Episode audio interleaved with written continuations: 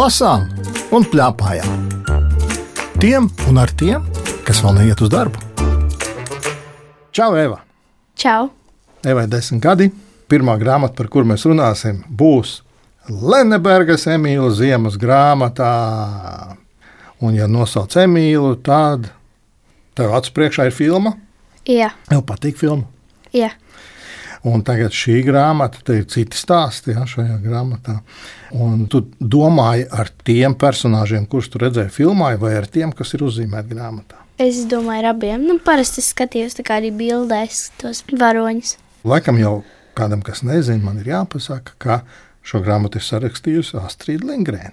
Un to ir sazīmējis Bjorns Bergs. Starp citu, es nebiju redzējis Emīļa grāmatu ar bildēm. Tu biji redzējis? Kā tev patīk bildes? Īsnībā ļoti labi uzzīmētas. Man arī patīk, un viņas tādas itin kā drusku veclaicīgas, bet te pašā Jā. laikā, nu, man pat jāsaka, smieklīgas. Bet par nedarbiem, nu, te taču ir nemitīgi. Arī no filmas mēs zinām, Jā, Emīlija, nedarbi, Emīlija, nedarbi. Saka, lūdzu, ko tu saproti, kas ir nedarbs? Kaut kas, ko tu izdarīji, nu, kā, piemēram, tu varbūt kādreiz tas sanāk netīšām. Tad tu kā vēli labu, bet tev tas sanāk slikti. Un tad tev ir bāriens un. Tas ir tā Emīlam gadās. Jā, Bet visi viņam saka, nē, tas ir nedarbs. Tā ko viņi viņam saka, ka viņi neredz to, ka viņš dara labu. jā, Laikam par to ir viss stāsts. nu jā. Saki, lūdzu, vai tā gadās dzīvē? Jā, Tev ir gadījies. šad tad kāds nedarbiņš. Kas to sauc par nedarbu? Vai tu sauc to par nedarbu? Nē, Vai ne? Citi tikai nedarbs, nedarbs. Un arī Emīls man tā liekas, visu laiku domā, kas tas nedarbs tāds ir. jā, Es šeit uh, nolasīšu vienu mazu gabaliņu par nedarbiem. Jo man arī šķiet, ka patiesībā jau pasaulē vispār nedarba nav. Bet, nu, lūk, kas šeit ir rakstīts. Emīls svilpoja tā, ka pats strāst brīnījās, bet piepieši pierimu un izņēma silpīt no mutes. Vai zini, ko es darīšu rītdien? Viņš vaicāja. Nē, vai tas būs atkal kāds nedarbs? Alfrēds atjautāja. Emīls atkal iesprūda mutē svilpu un silpoja tālāk. Laiciņš viņš gāja, skaļi svilpodams, nopietni gudrodams. Ā, es pats to nezinu. To taču iepriekš nekad nezinu, viņš beidzot sacīja. Tā kā ir tieši tā, kā tu saki. Kur gabaliņu tu nolasīji no grāmatas, lai mēs visi dzirdam, kā skan nevis filma, bet grāmata par Lennebergu? man patiesībā ir divi tādi ļoti interesanti gadījumi. Te laikam jāpasaka, ka te ir trīs stāstīņi iekšā. Jo Nu nevēl jā. rakstīts ziemas grāmata, no ziemas grāmatas sastāv no trim stāstiem. Nu, tas būs otrais stāsts. Tas ir otrais stāsts, nekādas kopošanās. Taču Emīls to nedzirdēja, neredzēja. Un nu viņam pēkšņi izdevās jauns trāpījums, vai varat iedomāties, sniega pika ielidoja viņa tēva atplastajā mutē. Emīls to pat nepamanīja, bet nu gan bija žēl baznīcas vecākā no kahultas. Viņš vairs nevarēja uzkliegt Emīlam un nevarēja aizrādīt Līnai, lai gan tik ļoti vajadzēja izdarīt kā vienu, tā otru. Sniega pika taču pamatīgi aizķepa muti. Emīla tēvs vienīgi spēja izspiest saniknotu eh, eh, eh. Nu, jā, un te nu, man jāsaka, es ļoti novēlētu visiem, kam šī grāmata vēl nav, to iegādāt, lai tikai paskatītos šīs bildes, kā Emīļa tēvs ar to sniega Piku mutē. Kāds ir otrs gabals, kur tu nolasītu? Tas būs arī tajā pašā otrajā stāstā. Uh -huh. Tas ir stāsts, kur viņiem bija tā kā rotaļas arī visādas pēc tam. Bet Emīls sēdēja, kur sēdējis. Viņš laipni ielūkojās mācītāja kundzes acīs, kad piepeši aplika rokas viņai ap kaklu un astoņas reizes pēc kārtas pamatīgi nobučoja. Tas bija iespaidīgi. Jā. Un laikam ir jānokomentē, kāpēc visi teica, ka tas nu gan ir nedarbs, jo neviens neuzdrošinājās to darīt. Bet bija jādara. Mēs nestāstīsim, kāpēc tas bija jādara. Jā, lai izlasa. Jā, un tas bija tas, ko Emīls pēc tam teica. Nekādas kopošanās, ja jābučojās, tad jābučojās. Jā, Man jāsaka, es viņam pilnīgi piekrītu. Šis ir otrais stāstīns no šīs grāmatas, kur viņš bučo mācītāju kundzi. Pirmais stāsts ir Par nabaga māju. nabaga māju. Jā. Un, lai jūs saprastu, kādā vispār pasaulē dzīvo, jo nu, viņš tur mūsdienās nedzīvo, vai ne? Nu, Arī jā. filmā viņš mūsdienās nedzīvo, bet mums drusku nav skaidrs, kur viņš dzīvo. Es nolasīšu drusku to darbības vietu. Tu jau laikam nezini, kas nabagi un nabaga māja ir, un varbūt par to priecīgs. Nabaga māja bija agrākos laikos, un tā bija baismīgāka nekā visi kresas maijas nostāst par slepkavām, spokiem un meža zvēriem. Iedomājies mazu nožēlojamu mājeli ar pāris istabām, kas ir pārpilnas nabaga nonīkušiem, izsalkušiem cilvēkiem, kuri tur mājo netīrumos kopā ar utīm, un tu sapratīsi, kas ir nabagi un kas ir nabaga māja. Lenebergas nabaga māja nebija sliktāka par citām, tomēr tā bija baismīga vieta, kur cilvēki nonāca vecumdienās, kad tiem citur vairs nebija kur palikt. Ka šādu izlasu tad nešķiet, ka no smieklīgas grāmatas, vai ne? Jā. Bet arī jau šajā stāstā Emīls ļoti labi izdomāja, Jā. kā šiem cilvēkiem, kas dzīvo nabaga mājā, Palīdzēt. un sarīkot svētkus. Kā tu domā, tie svētki ir svarīgāki par to ēšanu, ko viņš viņam sagādāja? Ne. Tomēr ēšana šeit bija svarīgāka. Jā. Jā. jā, nu tad mēs varam saprast, cik ļoti šie cilvēki sliktos apstākļos dzīvoja. Bet tad, beig beigās, ēšana arī svētki viņiem. Un trešais stāsts man šķita ir pavisam tāds dramatisks Jā. Par to, kā Emīls izglābi dzīvību. Un kā viņa iestrēgs sniegos, kā tev šķita Jā. šis stāsts? Nu, tas bija tāds tā kā labsirdīgs, tāpēc, kad viņš mēģināja palīdzēt Nu, jā, un draugam. visi lamājās, kas tas ir, ko tu ņēmies, bet viņš viens pats ņēma un ziemā aizveda pie ārsta ar zirgu. Un kā viņam tur gāja, man jāsaka, ka tur samērā bēdīgas vietas ir tajā Jā. stāstā. Es izlasīšu pašas, pašas beigas šai grāmatai. Pēc tam Emīls sāk pārdomāt, ko tika sacījusi Līna. Ja nu viņš kļūst tāds komunāla valdes priekšsēdētājs, kas dara nedarbus, hm, kādi gan varētu būt tie nedarbi? Viņš ielēja glāzē pienu, turpināja prātot. Komunāla valdes priekšsēdētāja nedarbi laikam gan būs kaut kas vairāk nekā parasti nedarbi. Tādus jau no gaisa nepagrābs. Viņš pielika glāzi pie mutes, lai iedzertu kādu malku, un tieši to brīdi viņam prātā iešāvās kāds pavisam jocīgs nedarbs, un viņš no smiekliem iespurdzās tā, ka piena šalts trāpīja tēvam. Oh, oh. Viss, te mēs ieliekam trīs punktus. Mēs neatklājam, kas ir tālāk. Man negribas lietot pamācoša. Jā. Tas būtu tā, ka jāpamāca, redz, jābūt ir tur tādam labam un kā. Nē, nu, bet cilvēks jau ir labs tāpat. Tāds pats kā Emīls. Nu, parasti cilvēkam arī jābūt labsirdīgam, tāpat kā Emīls. Viņš mēģināja labi izdarīt, bet beigās tas sanāca tā palaidnīgi. Tas ir no vecāku viedokļa palaidnīgi. No viņa viedokļa tas bija ļoti, ļoti, ļoti Pareizi. nopietni. Protams, ka pareizi, jo sirds jau saka priekšā, varbūt, kas ir pareizi. Emīlam tāda sirds ir. Jā. Pajautāsim, ko tava Oma domā par. Lenebergas Emīlu un šiem stāstiem. Vai viņa domās savādāk, vai viņai tie nedarbi liksies kā nedarbi? Bija ļoti interesanti to grāmatu lasīt, jo ir redzēta šī filma. Un acīs jau pavīd tur tās ainiņas no filmas, lai gan grāmatā ir citi sižeti nekā filmā. Bet filmā tas ir ļoti jautri, bet grāmata ir tieši par Emīlu plašo sirdi. Par to, ka viņam labākais draugs bija kalps Alfrēds. Un viņš šo draudzību ļoti augstu vērtēja. Un pašā beigās, kad Alfrēds sagriez to roku, tai pēdējā stāstā, tas bija tā īpaši, ja, un bija sasniedzis tik ļoti, ka, ka nevarēja nekur tikt.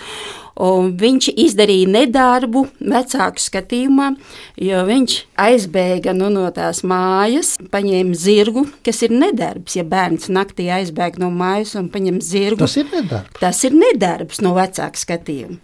Bet tā morāla tanī, kad viņš glāba savu labāko draugu, tā ir viņa tā plašā sirds un tie labie darbi. Vai Omēm bieži iznāk dusmoties par nedarbiem? O, mamma parasti iznāk dusmoties. Jā, tas ir viņa darbs. Jā, jā mamām un tētiem arī. Mamām un tētiem jā. vairāk, omām drusku mazāk. Oms ir tās labsirdīgākās.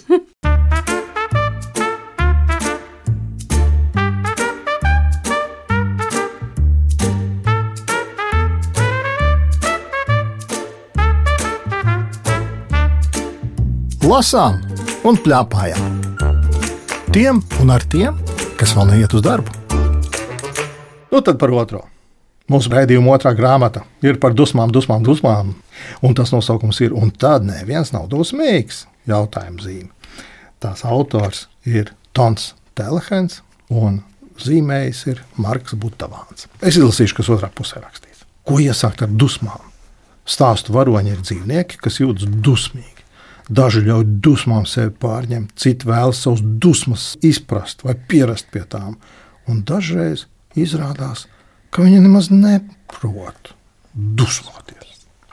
Kā tev ir ar tām dusmām?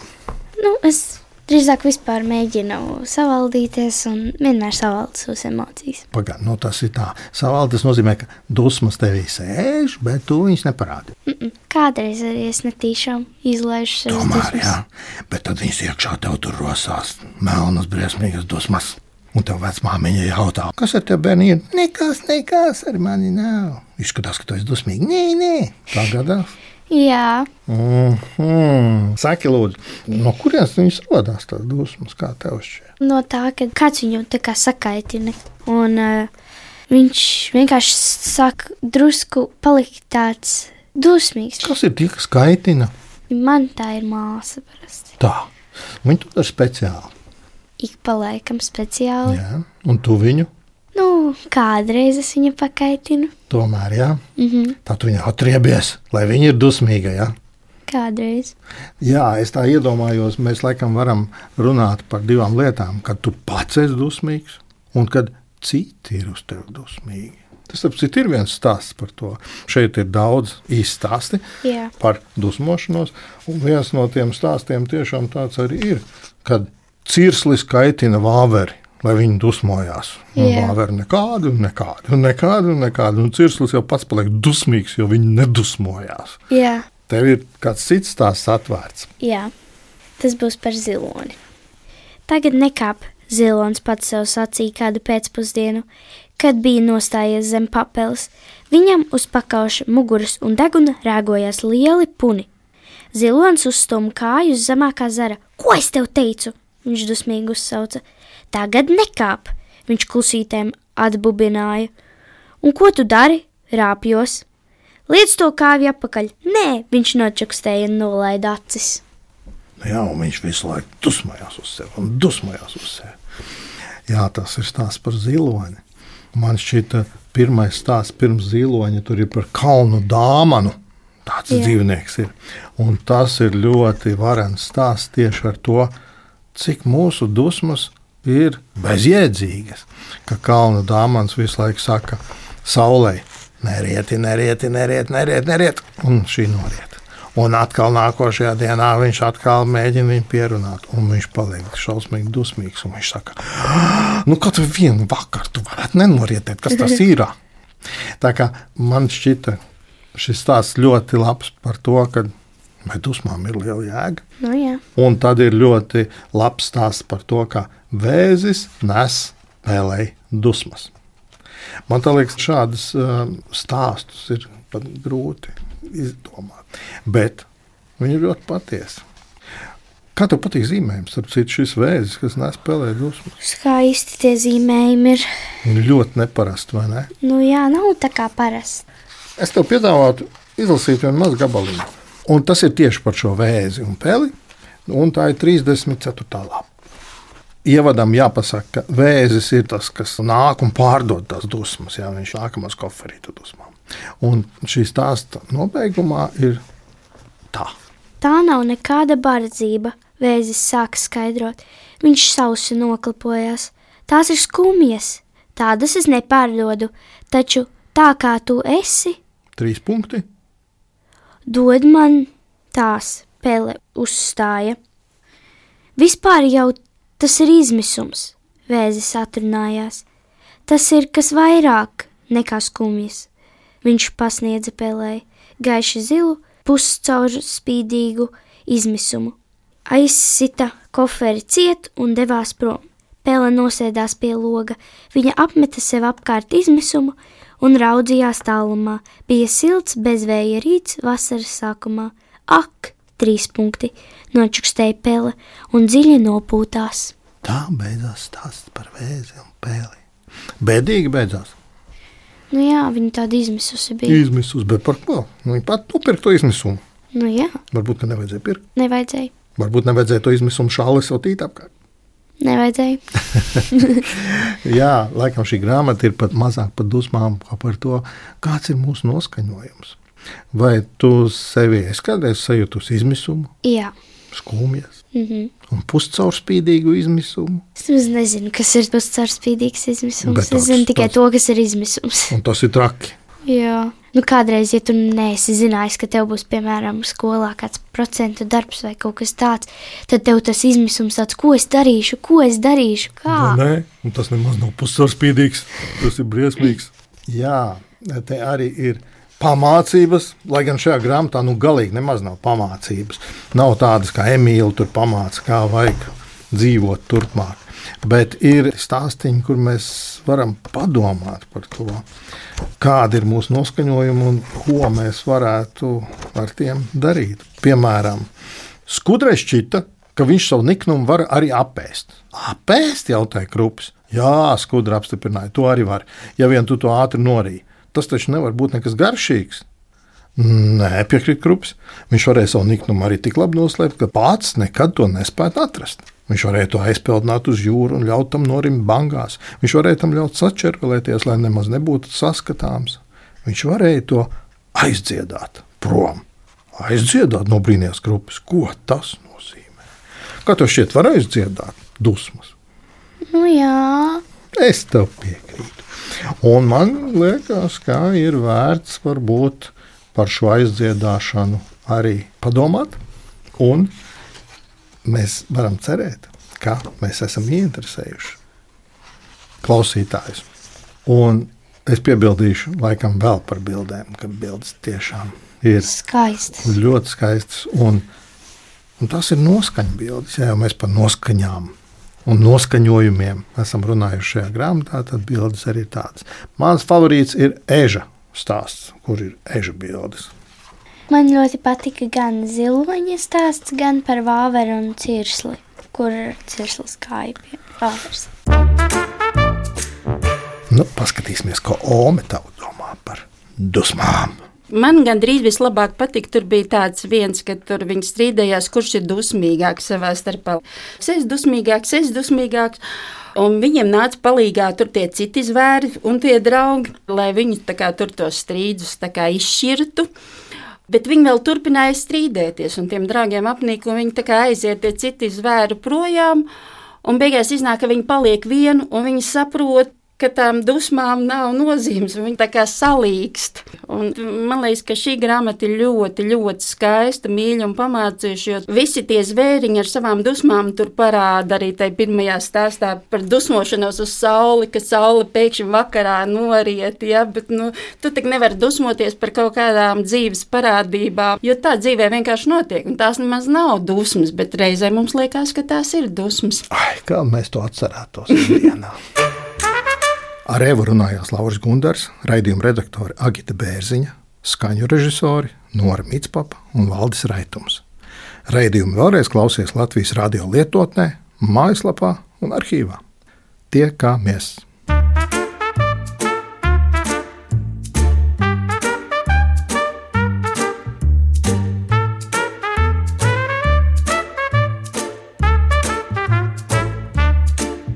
Lasām un plēpājām!